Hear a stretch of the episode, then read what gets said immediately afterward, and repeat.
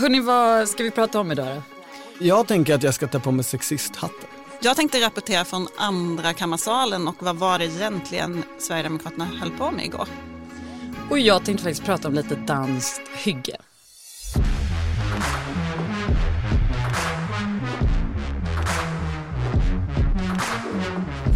Det här är Politiken med Annie Reuterskiöld, Maggie Strömberg och Torbjörn Nilsson.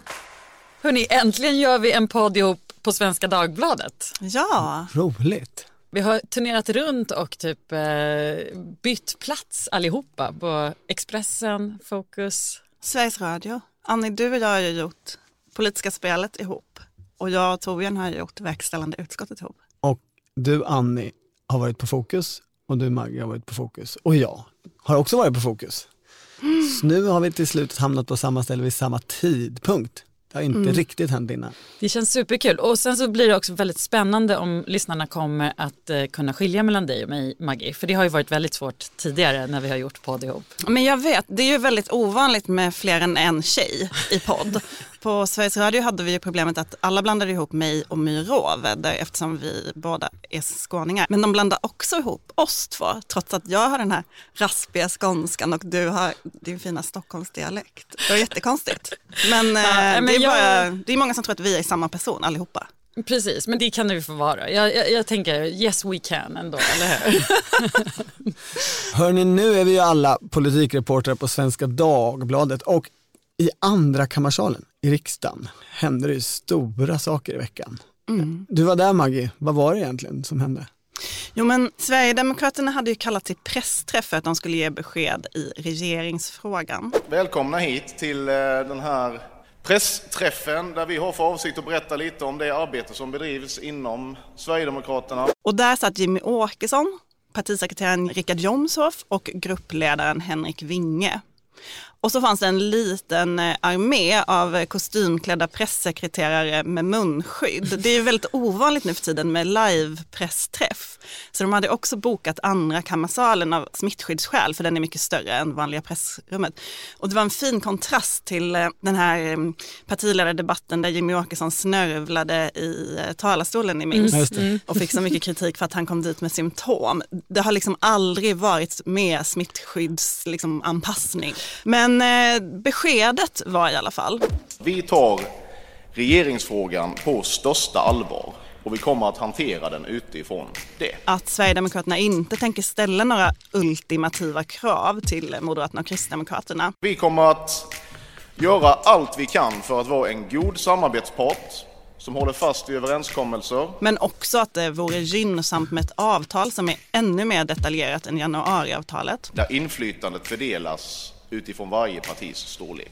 Och sen att de är seriösa och håller på att förändra hela sin organisation och förbereder en ändringsstyrka och vill ta ansvar och, och så. Det var liksom huvudbeskeden. Med risk för att göra er besvikna så kommer jag inte ge några svar på frågor om vilka skarpa krav vi kommer att ställa för att släppa fram en statsministerkandidat eller för att släppa fram en budget. Alltså det är ju lätt att vara efterklok, verkligen. Men jag känner ändå lite så här, nej, det är klart att de inte kom med något besked. Alltså varför skulle de göra det? Och att också att det är så symptomatiskt hur vi alla, och då tänker jag mest på medierna, rör oss runt Sverigedemokraterna. För det räcker med att de skickar ut en inbjudan och vi ska prata om regeringsfrågan och med de här väldigt viktiga personerna i partiet för att alla ska gå i taket. Ja. Men om man bara hade liksom tänkt lite till så hade man nog eh, kunnat tänka sig att det inte skulle komma ett besked. Jag säger inte att det inte var viktigt för det, den här pressträffen. Men eh, ja, Det var ju att de själva formulerade just som vi ska lämna ett besked och sen så inledde Jimmie Åkesson med att säga jag kommer göra er besvikna. Men, ehm, det känns ju också bekant, eller hur? ja, men för oss som är väldigt intresserade av partiorganisation så kände jag ändå att man fick en hel del besked på den här pressträffen. Men liksom, varför gjorde de det? Hur tolkar ni det? Vad var det här? Ja, det har ju varit väldigt mycket snack om SD, som det alltid är. Men väldigt mycket senaste veckorna, sen Liberalerna framförallt då lämnade sitt besked. Och sen Socialdemokraterna drog igång sin den här tidiga valkampanjen med att eh, försöka koppla ihop alla borgerliga partier med eh, Sverigedemokraterna. Och kanske Polen och Ungern och hotet mot Och demokratin. Kapitolium, inte ja, minst. exakt, exakt. Så om jag ska ge mig på en gissning varför, så här är det. De har hållit på med den här pressträffen i flera veckor, vet jag. Så det är liksom ingenting nytt utan man har förberett sig väl för att man vill ta plats i den här frågan. Och jag pratade med en sverigedemokrat igår som sa någonting roligt och det var att det var dags att sätta sig i saden på den här regeringshästen. Eh, Oj! Men är det att man då ska, har det att göra med den här tigerjämförelsen som typ eh, Peter Hultqvist och andra har haft? Man kan inte tämja en tiger. Alltså, är sadeln liksom, vi ska rida, vi ska rida i regeringen dit vi, vi Jag fattar inte Du ger mig sådana bilder nu. Jag, jag, jag tänkte i alla fall direkt när jag hörde det att man vill visa vem som bestämmer. Ja, Helt enkelt. ja, men det är det jag menar, fast jag kunde inte formulera det på ett, på ett normalt sätt. Och det gör man ju genom att bygga upp en stämning, sen ta ner den direkt. Alltså man lindar alla runt sitt finger på något sätt.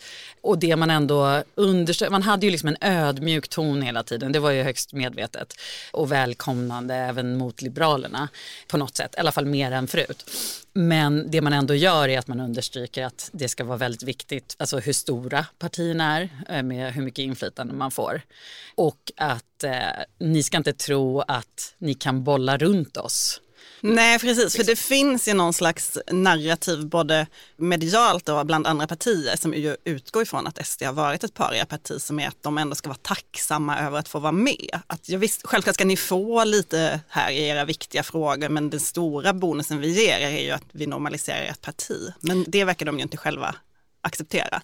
Nej men precis och det yttersta beviset för det är ju att ett sånt litet parti som Liberalerna på runt 2-3 procent nu i mätningarna ändå kan prata som om de bestämmer om Sverigedemokraterna får vara med eller inte.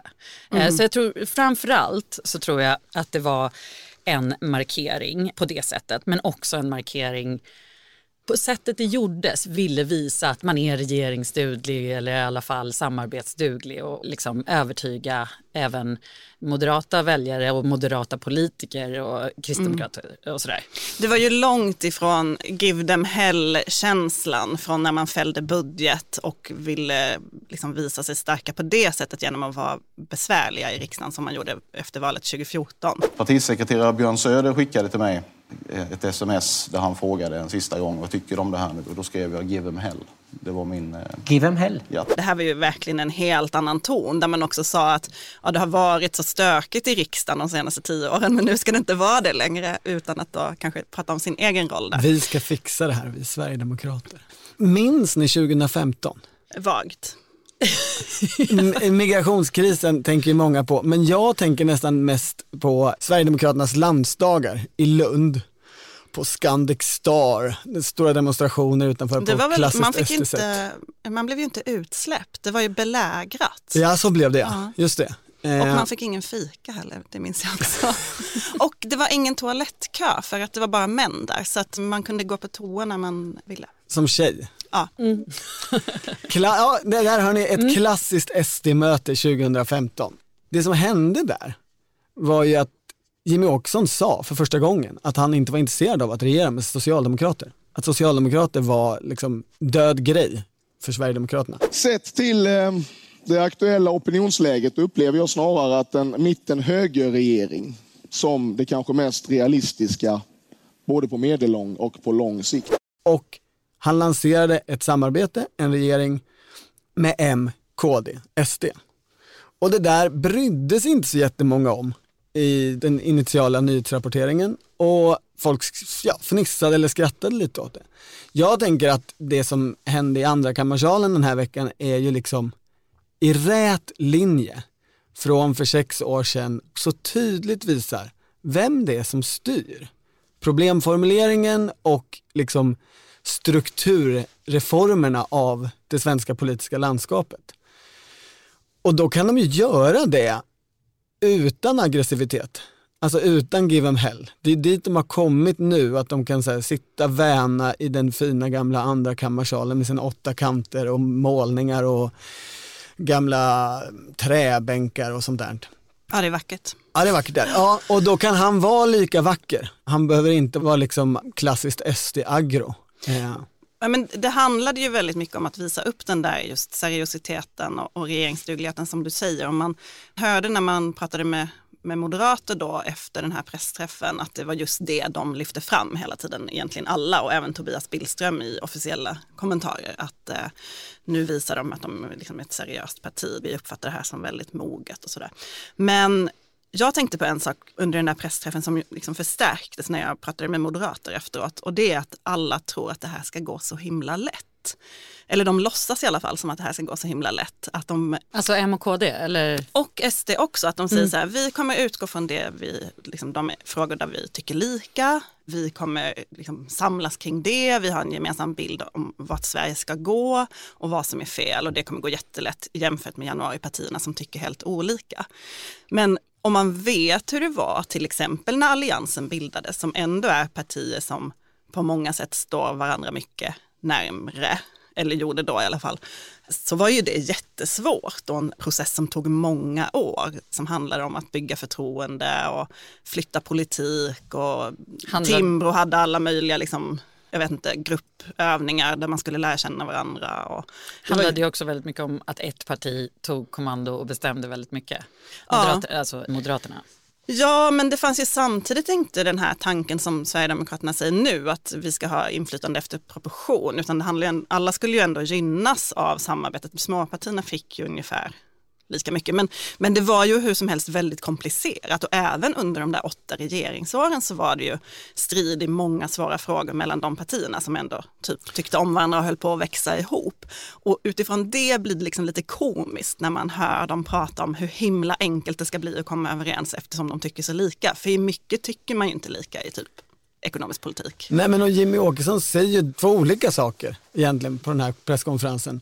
Alltså å ena sidan så säger han precis som alla andra som vill samarbeta med honom, vi måste prata om sakpolitiken. Vi bryr oss om sakpolitiken och sakpolitiskt är vi nära varandra. Det handlade om pensionerna.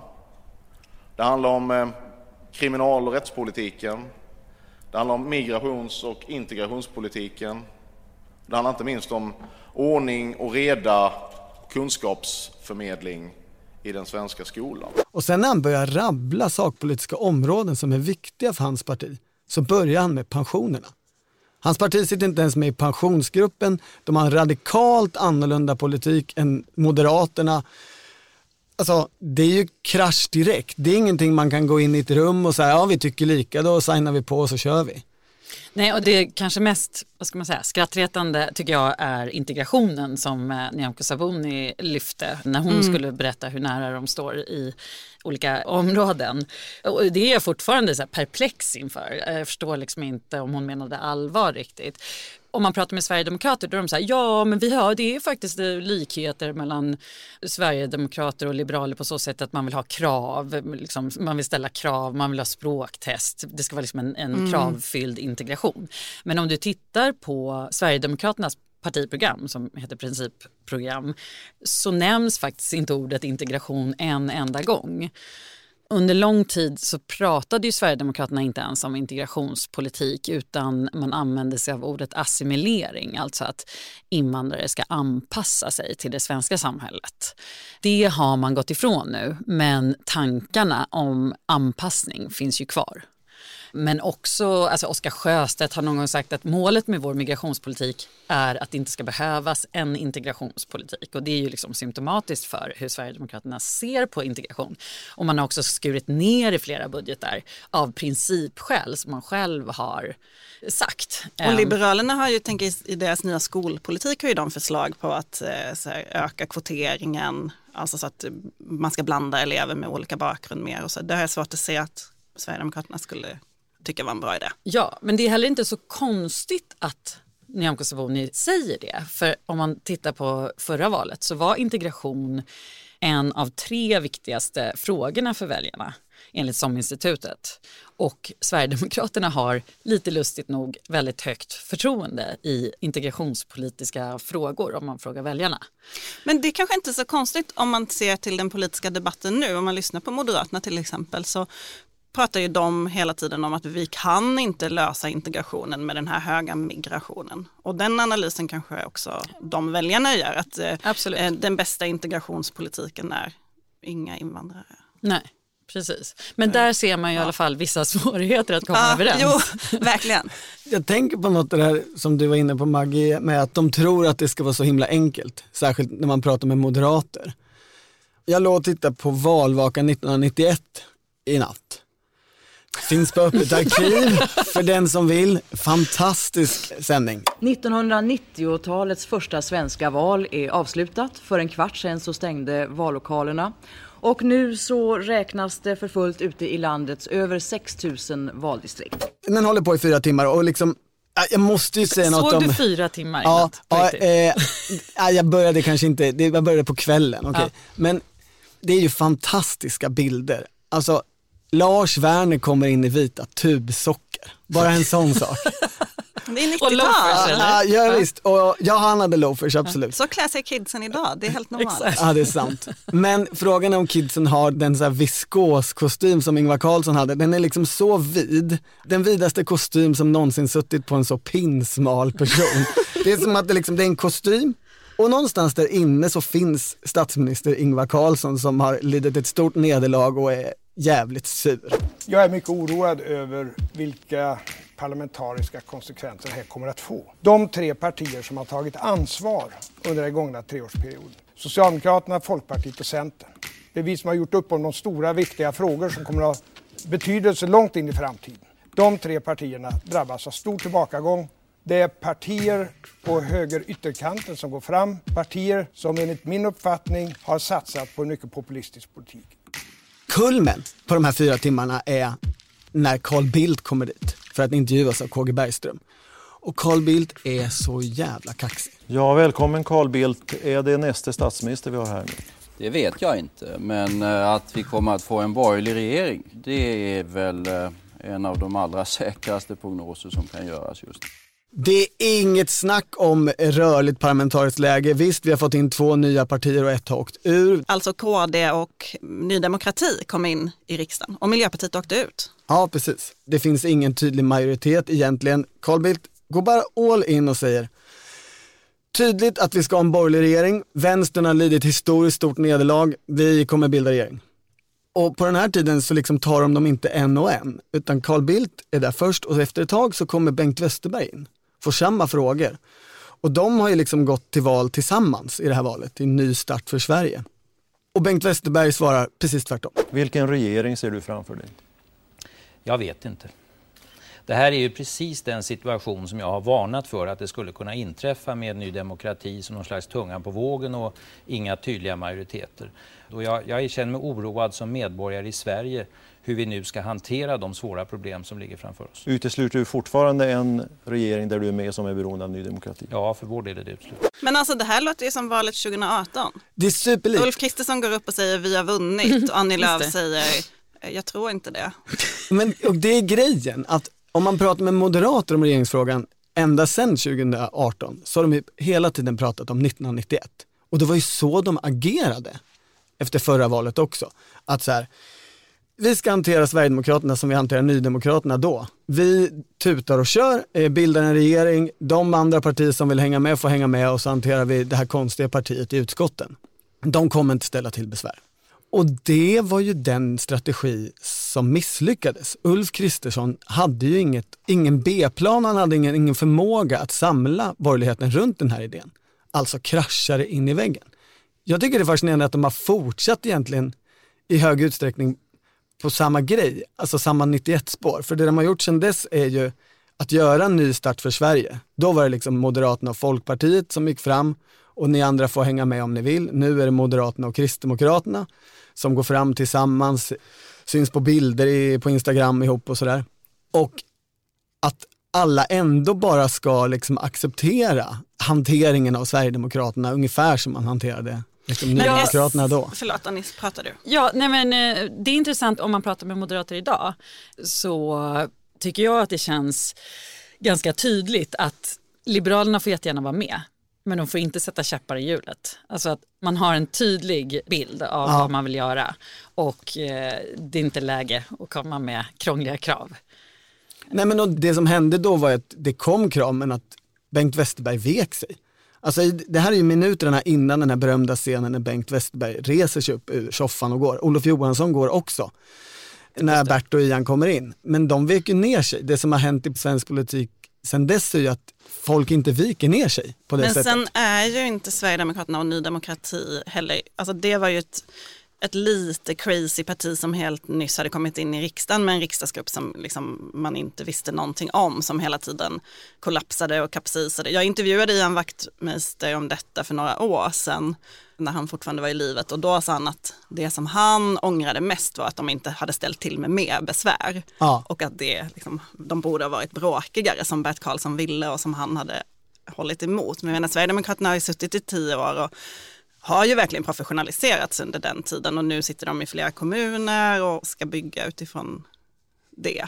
Jag så det här ser- handlar väl mer om just här, relationerna mellan partierna och det var ju det som de också på den här pressträffen ville liksom lite öppna upp för, prata om olika sätt att liksom lära känna de andra partierna, skapa något gemensamt. Det finns ju väldigt stor skillnad, tänker jag på nu när du pratar, mellan Ny Demokrati och Sverigedemokraterna som handlar om självförtroende. För nu när ni pratar så tänker jag på den här bilden på Bert Karlsson, om ni kommer ihåg den, där han sitter i riksdagen med så fötterna upp på en stols eh, rygg och typ gör tummen upp och ser så jävla glad ut för att han är där och typ så här give them a little bit of hell. Och det jag tror med den här Sverigedemokraterna pressträffen som var nu handlar också om att de vill bli tagna på allvar. Och de vill, De vill liksom, inte göra den där De vill bilden. inte sitta där och vara Nej. skojiga och inte tas på allvar. Det känns lite som en sån, jag kan känna igen den känslan själv. Alltså när man, man har känt att man liksom så här, men ingen förstår att jag faktiskt kan någonting. Nej, men, och, och det tror jag som, som en lilla syskon eller Ja. någonting. Man vill liksom bevisa sig på ett helt annat sätt än Ian och Bert. De kunde inte bry sig mindre. Liksom. Nej, de ville ju skapa engagemang. Liksom. Mm. Men, men jag pratade med Henrik Winge en del efter den här pressträffen som ju är gruppledare och han har bland annat studerat andra svenska samarbeten. Vad har funkat och vad har inte funkat? Och då jämförde han på ett lite, sett ur dagens ögon, lite komiskt sett, eh, Sverigedemokraterna med Miljöpartiet. Men det finns ju rätt så mycket likheter faktiskt. Ja, men han beskrev det som att när Sverigedemokraterna och Socialdemokraterna började samarbeta Nej, förlåt. Nej, vad heter de andra partierna? Miljöpartiet och Socialdemokraterna började samarbeta. Då var ju Miljöpartiet ett jättekonstigt parti som liksom inte fick vara med i utrikespolitiken till exempel, som man tyckte var mycket handlade ju om professionalisering och att de här partierna skulle lära känna varandra och då sa han att det är rätt likt som han tänker sig att det ska bli mellan Sverigedemokraterna och Moderaterna Mm. och att Sverigedemokraterna också behöver göra den där resan och också till stor del gå via kommunerna nu som Miljöpartiet också gjorde. Men man tänker ju sig inte de här partierna som väldigt lika. Men på, på en, del, en del sätt kan man ändå säga som ett outsiderparti som vill bli normalt. Även om Miljöpartiet var ju inte ett pariaparti på samma sätt.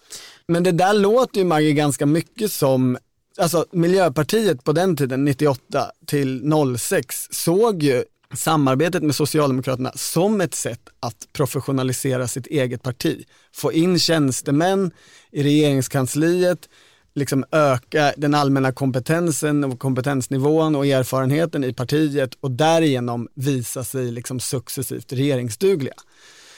Så frågan är ju om det då var det, alltså Jimmy Åkesson pratade ju inte riktigt klarspråk om det där med ministerposter och tjänstemän och hur han egentligen ser ett samarbete framför sig.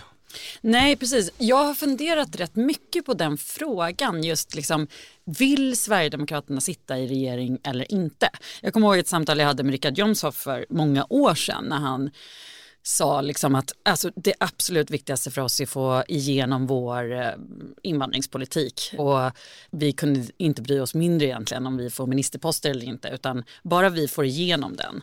Jag har också hört folk i Sverigedemokraterna säga att vi är det parti som liksom med glädje. Om något parti bara ville genomföra vår politik så ger vi vår politik med glädje till något annat parti. Man framställer sig gärna så. Och jag kommer ihåg, då poddade jag ju med Thomas Ramberg på Sveriges Radio och han sa så här, men Annie, det där, det där är spinn, alltså, det där, de säger ju bara det där, det är klart, alla partier vill ju... Och då ska man bara ha med sig att det bästa politikreportrar och kommentatorer vet det är att anklaga andra politikreportrar och kommentatorer för att ha gått, För att ha på, gått på spinn. spinn. Absolut. det är liksom Absolut. standard. Men det fick mig... I, inget Verkligen. möte dödar en idé så bra som ett politikreportermöte. Skjut ner det hårt, alla idéer Men det har som fått finns. mig att tänka på det där ganska mycket. Och jag måste säga att jag är inte riktigt klok på det än. För att det finns ju också, eh, Sverigedemokrater brukar ju säga då att liksom i, alla partier finns en önskan om att göra någonting som är bra för Sverige. Alltså det finns, man måste ju ändå förutsätta att det är fallet. Men hos oss är den nog viktigare. Och det anspelar ju liksom på nationalismen, att man hyllar Sverige, att, är liksom att, att Sveriges väl och ve är det viktigaste. Okej, absolut, men jag tänker, är ändå inte då det bästa sättet att sitta i regering, om Mm. man nu tycker att det är så himla viktigt. Alltså, för för dem handlar det ju mycket om alltså, att styra myndigheter och så, tänker jag också att det måste ju vara helt centralt eftersom de har så stark kritik mot hur myndighets-Sverige är uppbyggt och att de har för starka kopplingar till Socialdemokraterna och annat. Ja, men sen tror jag att det finns också en verklig rädsla eventuellt för att sitta i regering beroende på vilket typ av parti man är. Man har ju liksom profilerat sig och en stor del av identiteten är att vara anti-etablissemang Mm. och stå utanför sjuklövern som man alltid sa förut. Och den tappar man ju självklart om man går in i regering. Då är man Och inte den längre den här kritiken. Den tappar man väl nästan redan nu, för det är ju så tydligt att de också försöker signalera till Moderaterna och Kristdemokraternas väljare att vi är ett seriöst parti, vi är inte ett anti-etablissemangsparti. Jag tänkte faktiskt också på den här frågan igår på pressträffen och pratade lite med Jomshof just eh, efteråt och frågade hur de tänkte när man till exempel tittar på Dansk Folkeparti. Nu är det svårt att jämföra rakt av för det har hänt så mycket i Danmark men det är ju ändå ett parti som har backat väldigt mycket bland annat för att man bytte partiledare till en som är mindre populär. Och Sverigedemokraterna har ju haft så himla svårt med återväxten. Kronprinsarna har fallit bort en efter en hela tiden. Men då pratade vi om det där och då sa Richard Jomshof att ja, men, i Danmark har ju ändå, där driver ju Socialdemokraterna en så extrem politik. De är ju så hårda i sin migrationspolitik. Liksom Han beskrev den som extrem. Och då såg jag, liksom när vi, då såg jag att han längtade efter det där. Att det, det kändes som att han gärna skulle lägga ner sitt parti. Alltså det här gänget som har suttit i en evighet. Han har ju själv sagt att han vill sluta som partisekreterare. När jag frågade om han skulle det sa han, "Nej, vi får väl se, det är ju Jimmy som bestämmer, jag vill gärna det, men vi kanske får köra valet typ. Alltså kanske att det bästa för dem vore att andra partier tog över deras politik snarare än att de ska försöka finnas kvar. Men är det inte som i ringen i eh, Sagan om ringen? Liksom? När man har varit där och kladdat på ringen så vill man ha den ändå. Jag har svårt att, Ja. att tro att de bara, okej, tack för oss, hej då, vi drar. Men, nej men, men drar de, till det är också så att de, är. de har jobbat så hårt. De är, flera har varit utbrända. Det är flera centrala tjänstemän som är utbrända nu. Det verkar inte så kul. Men, men i, i det där perspektivet så blir det ju, tycker jag, särskilt intressant att ur Sverigedemokraternas perspektiv så är ju det här som de håller på med det nya alliansbygget. Liksom, svensk politik var från 68 till någon slags kulmen 04 Reinfeldt-åren ett liksom jobb i borgerligheten för att ena den. Och detta kulminerade liksom med badtunnan uppe hos Maud Olofsson som inte var en badtunna men Högforsmötet 04 och så Bankerydsuppgörelsen och sådär. Den där processen du var inne på förut Maggie. Och i Sverigedemokraternas ögon så sjösatte de ju den här idén på de där landsdagarna i Lund och det är den de hela tiden följer upp och nu har de typ de här två andra partierna med sig att ja, vi bygger någonting på något sätt. Det kommer inte se ut som den där alliansen. Men i omvälvning av det politiska landskapet så är ju det här som händer lika stort och liksom har en motsvarighet i det som hände 04 till 06 när alliansen skapades. Och Men det om man- fascinerande är ju att de orkar det. Man kan ju känna Liksom. igen en del där, alltså jag tänker på hur personer som Marcus Uvell eller Sven Dahl har jobbat för att koppla ihop Sverigedemokraterna tydligare med en borgerlighet. Absolut. Och sakpolitiskt har partierna också närmat sig eh, för att Moderaterna som en gång flyttade sig nu har flyttat sig åt andra hållet. Ja, och alliansidén då hade Ja. en stark liksom, vän i Svenska Dagbladets ledarsida. Christer Thelin som liksom myntade namnet där. Och den ser man ju liksom på Dagens Industris ledarsida idag. Dagens Industris ledarsida är den som backar upp det här nya alliansbygget Men- och, och trycker det framåt. Liksom. Var befinner vi oss i, i liksom alliansperspektiv? Är vi precis före Högfors? Ja, jag skulle säga att vi är på båten ut till Vaxholm för Fredrik Reinfeldts sommartal där han pratar om att det behövs ett möte och om det är han eller Maud Olofsson som sen säger vi ska vara hemma hos Maud. Nej, det är Maud Olofsson som säger, men ut, vi är på Vaxholmsbåten ut till Vaxholm. Eh, det var det som hände i andra kammarsalen den här veckan. Men då har jag en fråga. Kommer vi att komma ihåg just den här pressträffen i september, oktober 2022? Ja men det tror jag, eftersom jag minns Vaxholmsbåten 2004. Kommer någon mer än du Torbjörn? För du kommer ju ihåg lite mer än oss andra. Nej, men jag tyckte att det kändes så när man satt där igår i den här pampiga salen att det kändes lite historiskt. Det var nog också något med miljön. Man tänkte den här bilden kommer visas väldigt många gånger. Det här kommer vara ett klassiskt ögonblick.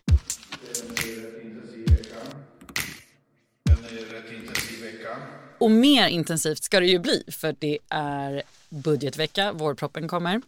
Jag såg Magdalena Andersson prata om svensk ekonomi på Aktuellt här i början av veckan. Det är ett väldigt osäkert läge, men ingen är gladare än jag om det blir ännu bättre än vad vi har i vår prognos. Och jag tycker att det är på något sätt fint att se. Hon har ju liksom fått jobba med det här med att hon framstår som sur och eh, lite barsk. Så hon pratar liksom med ett leende hela tiden. Och det är liksom rörande på något sätt. Även om hon liksom säger någonting som känns jättejobbigt för henne så är det liksom hela tiden med ett leende. Så. Det är en ytlig iakttagelse möjligen, men alltså det finns ju få saker som engagerar människor så mycket som Magdalena Anderssons humör. Alltså det är ju inte bara Liberalerna och det här januari-samarbetet där det har liksom varit en grej att Magdalena Andersson får utbrott och vi kan inte samarbeta, det går inte att snacka med henne, hon är galen.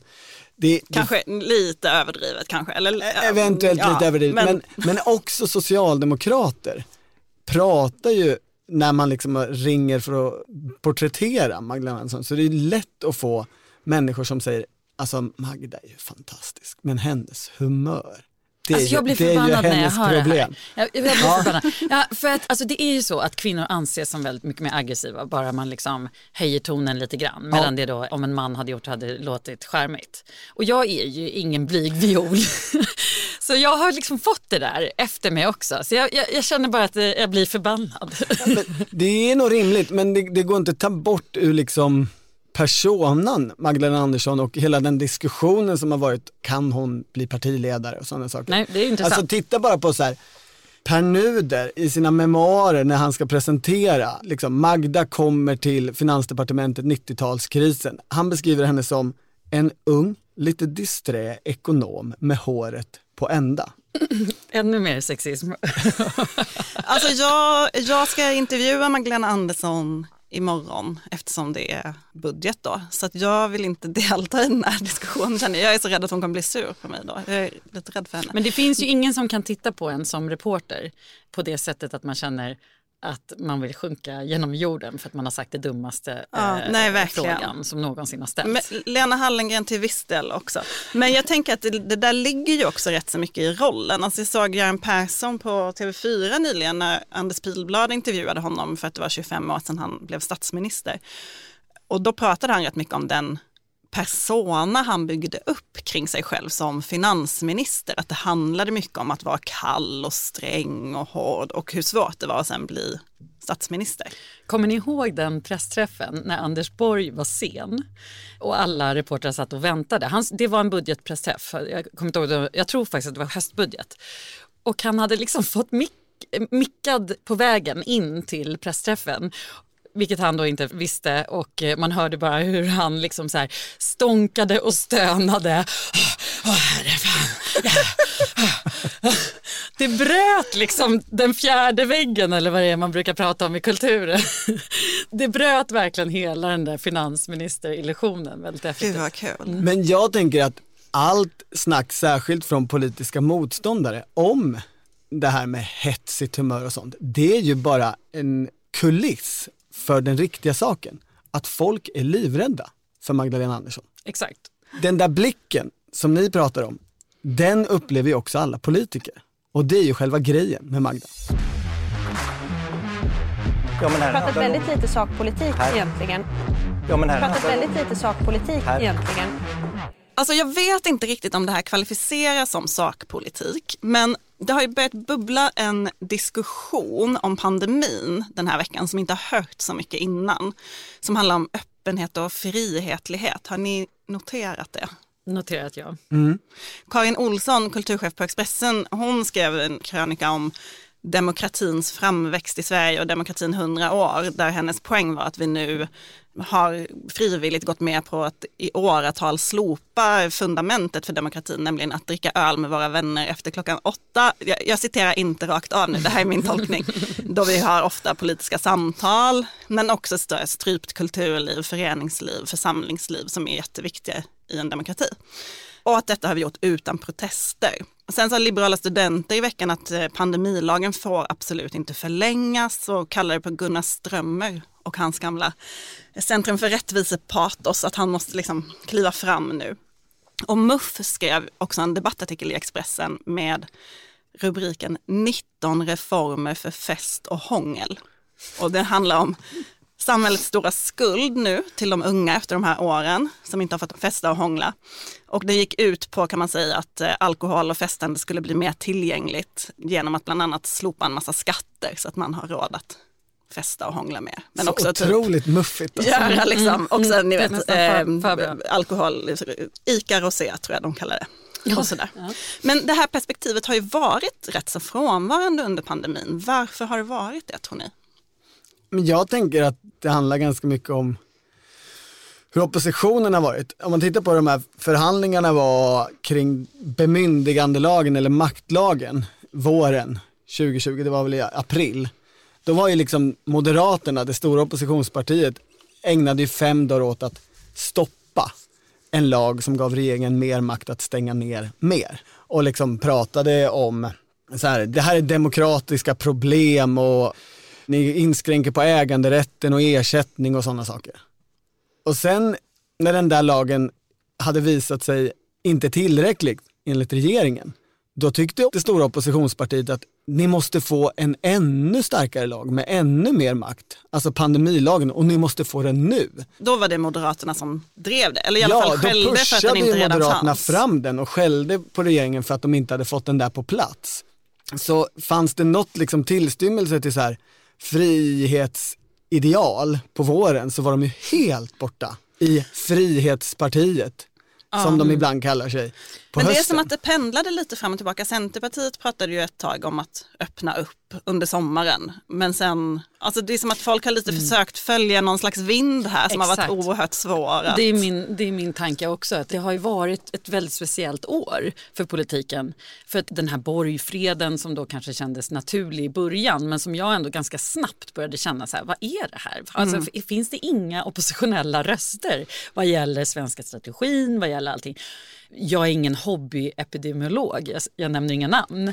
Eh, men det är ju liksom ehm, signifikant för den här tiden och jag tror att det har väldigt mycket att göra med att man är livrädd för att ha fel, man är livrädd för att ha krävt någonting och sen visar det sig att det var det motsatta som behövdes och sådär. Utöver såklart att alla vill typ hjälpas åt och möta krisen, men nu Mm. pratar vi ändå om politik. Så att, Ja, men- eh, Är inte detta också ett tecken på den här mätsjukan i politiken? Att, jag vet att jag pratade med någon partiledare där i början och sa så här, men vem ska man rösta på om man tycker regeringen gör fel? Och svaret var ungefär att det är ingen som tycker att regeringen gör fel. Vi ser i våra mätningar att vi kan inte gå någon annan väg. Precis, så länge det går bra för Lena Hallengren ett all så är det svårt.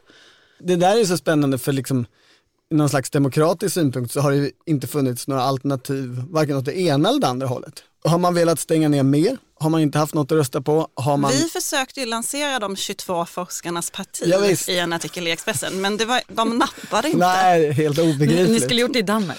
Nej men och likadant har man faktiskt tyckt att, att det har stängts ner för mycket, att det har varit liksom för panikartat. Det har ju funnits debattörer som har tyckt så hela tiden. Så har det inte funnits någon politisk aktör att vända sig till. Och gör ännu inte. Och jag menar, ta bara en sak, en, en av många sakfrågor som vaccinpassen. Det är ju en idé som bara har så här hänt.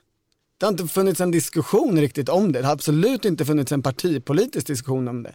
Rörligheten ska begränsas av vaccinpass, det är bra. Men det här som man ser nu Punkt. då, att den här debatten ändå börjar vakna på både då kultursidor och i ungdomsförbund och sådär.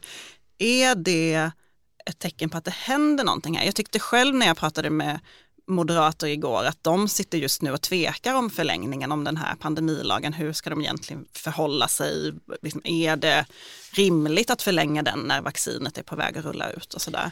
Jag tror att den här tillfälliga pandemilagen ändå, alltså den är ju just tillfällig, men man utreder ju också en, en långsiktig eh, kris. Kris, eller pandemilag och den vet jag har orsakat eh, oro på regeringskansliet just för att det blir ju mer någonting som kommer då vara vid nästa kris eller nästa pandemi och då kan det ju faktiskt ha skett ett maktskifte och då räknar man in Sverigedemokraterna att det, liksom, att det finns en reell oro där i att vad gör den här typen av inskränkningar med eh, ett parti som SD nära makten. Alltså det roligaste med muffartikeln är ju att det inte är en muffartikel. Det kommer inte från MUF centralt, den här kampanjen om 19 förslag för frihet, hångel och fest och allt vad det är. Utan det här är ju en oppositionsgrupp i Moderaterna. De är distrikt som inte riktigt har varit nöjda med senaste ordförandebytet om jag har fått mina underrättelser rätt från Moderata Alltså med. Matilda Ekeblad. Ja, precis. Det här är liksom någon slags intern oppositionsrörelse, bland annat runt ordföranden för Moderata studenter Douglas Thor. Och så är det Skåne som är med på något sätt här. Inte full klarhet i det, men Det är alltså en ny stor MUF-konflikt på uppgång. grejen är att som i allt, att det liksom kokar ner till intriger i vem som har makt och bestämmer. Och nu Jag tror du den skulle här säga vem som har hånglat med vem. det också. Den här kampanjen är liksom för att visa så här ska MUF vara tycker vi. Vi ska prata mer om frihet, hångel och fylla. Hångel och skattesänkningar. Ja, det också. Okej, men då var inte det här sakpolitik i alla fall. Då vet vi det. Ja, det är alltid falangstrider.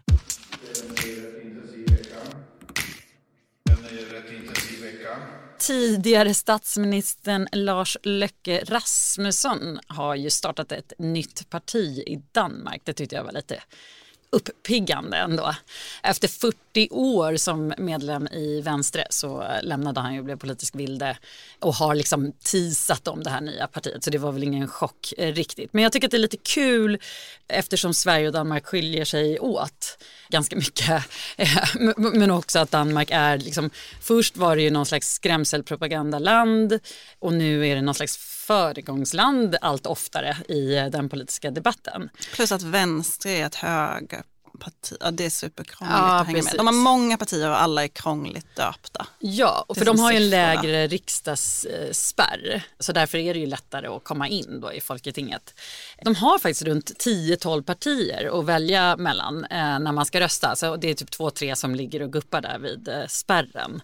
Och det är lite kul, de som kom in förra valet det är ju Nye Borgerlige som då man kan, man kan beskriva som ett parti som är liksom de är höger, men framförallt då, de vill ännu mer ha ut invandrarna än Dansk Folkeparti kan man säga. Och Dansk Folkeparti är ju ett väldigt liksom, populistiskt parti. Nyborgerliga är mer ett högerparti. Det som är intressant med det partiet är att det leds av Pernille Vermund. Och hon är en väldigt speciell figur. När Socialdemokraterna i augusti kom med något förslag om tidig pension då kommenterade hon det här förslaget via länk från sin makes lyxjakt på ön Paxos. Eh, Hygge. hygge, hygge i Medelhavet eh, under pandemin. Men det verkar inte uppreta någon i eh, Danmark utan liksom man gillar det här. Det är så danskt, alltså deras drottning reser runt på ett skepp. Jag älskar Danmark så himla mycket. Exakt och eh, det parti som nästan kom in förra valet är ju, det kallas identitärt parti men det är väl typ nazistiskt, som heter Stram kurs som leds av Rasmus Paludan, känd från koranbränningar i Malmö bland annat. Mm. Men det är också ganska intressant att ett så extremt parti nästan kom in. Mm. Det är lite som att Alternativ för Sverige kanske skulle ha kommit in. Eller jag vet inte om de går att jämföra. Men... Jo, det skulle jag säga, alltså i, i extrem... Eh, Vem gör detta i Sverige då? Ja, det är det man frågar sig. Ja, Maria typ... Leisner. Nej, vänta vad heter de andra? Anna Stavbrink. Nej men eh, det, det, ja, just det. det, ja, men du, du är på Det är ju där. ingen gammal statsministerperson. Fredrik Reinfeldt då? Det är precis dit jag Såklart. vill komma. Jag har länge haft en så fiktionell idé, en fiktionsidé, en dröm kanske, en mardröm eventuellt, att Göran Persson plötsligt tar sig tillbaka. Äh, det har ju blivit kaos sen jag lämnade, nu går jag in och styr upp det här. Men ännu roligare vore ju Fredrik Reinfeldt. Om han startar ett mittenparti Visst. som konkurrerar ut Annie Lööf. Ja, eller framförallt som, som liksom är, Ulf Kristersson pratar ju extremt mycket om Moderaterna nu som ett samlingsparti. Vi är de som kan samla, vi pratar med allt och alla, vi har inga spärrar, inga gränser, vi är pragmatiska på riktigt och sådär. Saken är ju att det där är en samling ihop med Sverigedemokrater och då blir det kanske inte så mycket samling i svensk politik. Inte som det fungerar nu i alla fall. Men Fredrik Reinfeldt var ju den samlande liksom, partiledaren. Och det skulle ju vara enormt roligt om han bara, nej jag drar igång ett parti nu. Ja, och han skulle ju då kunna använda sig av Lars eh, Rasmussons eh, programförklaring. Framåtrörelse och förändring i mitten. Antagligen. Eventuellt blir hans Kina-affärer inte bara en black om foten utan något totalt som omöjliggör den här idén. Så dra dig ur Kina Fredrik. Fort. Men så kul med en valrörelse där Fredrik Reinfeldt och Ulf Kristersson står mot varandra. Vilken fest för politikintresserade. Och sen har man sista debatten uppe i Lycksele. Exakt. SVT flyttar hela produktionsapparaten upp till Lycksele. Slaget i Lycksele 2.0. Jaha, Sverigedemokraterna bestämmer det mesta. Det är för lite hygge i svensk politik och... För lite eh, lyxjakter öppenheten är ändå på väg in i pandemipolitiken. Är det det vi har kommit fram till? Och Magdalena Andersson skrämmer de flesta. Just det. Men har ändå ett leende som Mona Lisa. Precis. Då säger vi tack. Lyssna nästa vecka också.